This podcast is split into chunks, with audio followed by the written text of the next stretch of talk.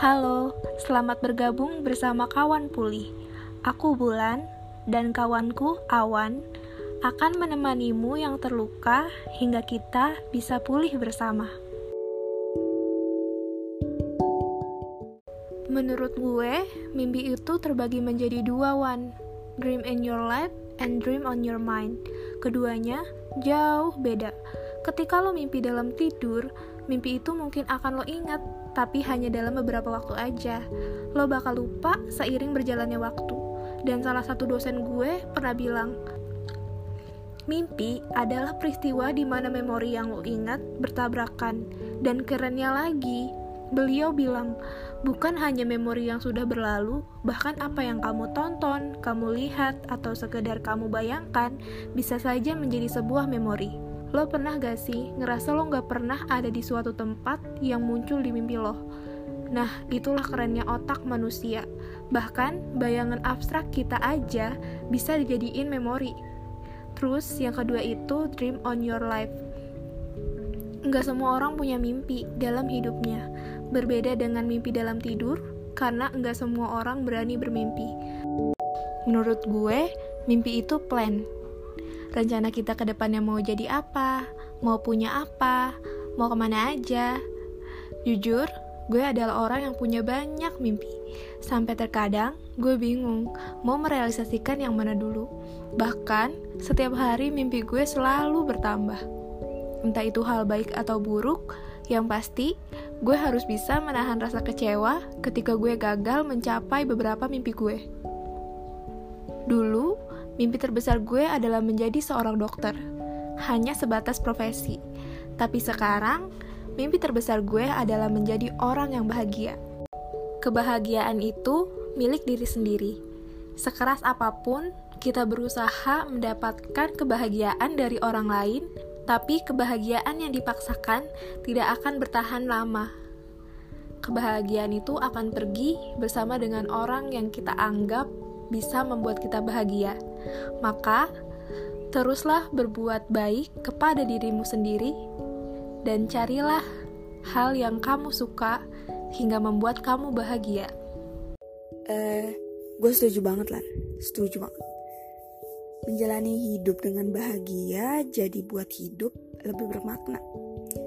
Ketika seseorang merasa bahagia, secara nggak sadar seorang tersebut sedang mentransfer energi positif yaitu kebahagiaan ke orang-orang di sekitarnya.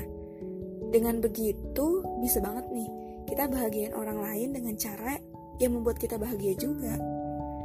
Kalau ada sobatmu yang selalu membawamu menunjukkan arah untuk selalu bahagia, aku bisikin nih. Jangan jauh-jauh dari sobatmu itu ya. Gue mendefinisikan mimpi sebagai bensin atau bahan bakar seseorang untuk terus menjalani kehidupan. Tanpa adanya mimpi, seseorang akan berjalan di atas bumi dengan hampa dan hambar. Ya, karena gak ada sesuatu yang membuat dirinya merasa harus memperjuangkan sesuatu hal. Mimpi juga akan menjadi kompas kehidupan. Biasanya, seseorang akan tetap berusaha berjalan di jalan yang mengarah menuju keterwujudan dari sebuah mimpinya. Sampai beberapa waktu yang lalu, mimpi terbesar gue adalah membuat orang-orang di sekitar gue bisa menyelesaikan sebuah masalah dalam hidupnya, menjadi lebih senang dan bahagia.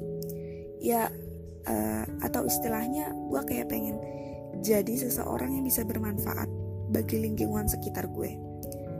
Ya walaupun gak banyak sih yang bisa gue lakuin, sekedar memberi saran, masukan, atau pendapat, dan dorongan hal-hal kecil untuk uh, mereka. Gue pengen gue bisa jadi pendengar yang baik untuk siapa pun.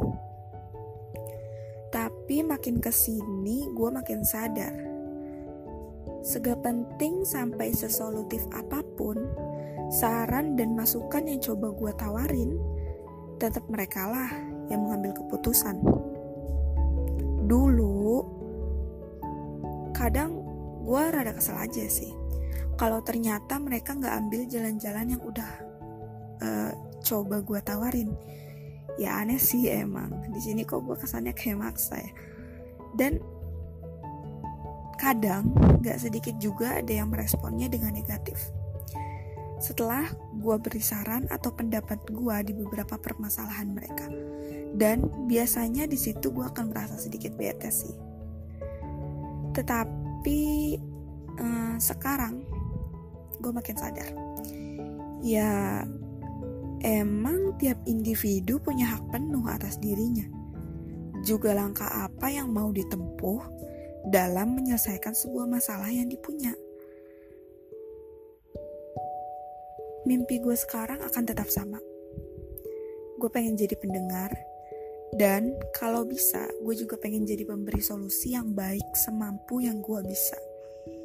Dengan catatan, gue nggak boleh maksain mereka untuk mengambil solusi atau jalan-jalan yang udah coba gue tawarin. Dan tentunya harus memperhatikan solusi yang gak bikin orang tersebut merasa tersinggung ataupun menimbulkan perasaan negatif lainnya. Itu sih. Gue setuju, Wan. Jadi pendengar yang baik gak gampang loh. Dibanding mencela, memotong, dan berbicara, dia lebih memilih mendengar, mencerna, dan menghargai. Siapa pun pasti seneng kalau bertemu teman seorang pendengar yang baik. Kalau kamu punya, jaga dia baik-baik ya. Semoga perkataan baik dari bulan dan awan bisa mencapai hati kalian dan selalu kalian ingat.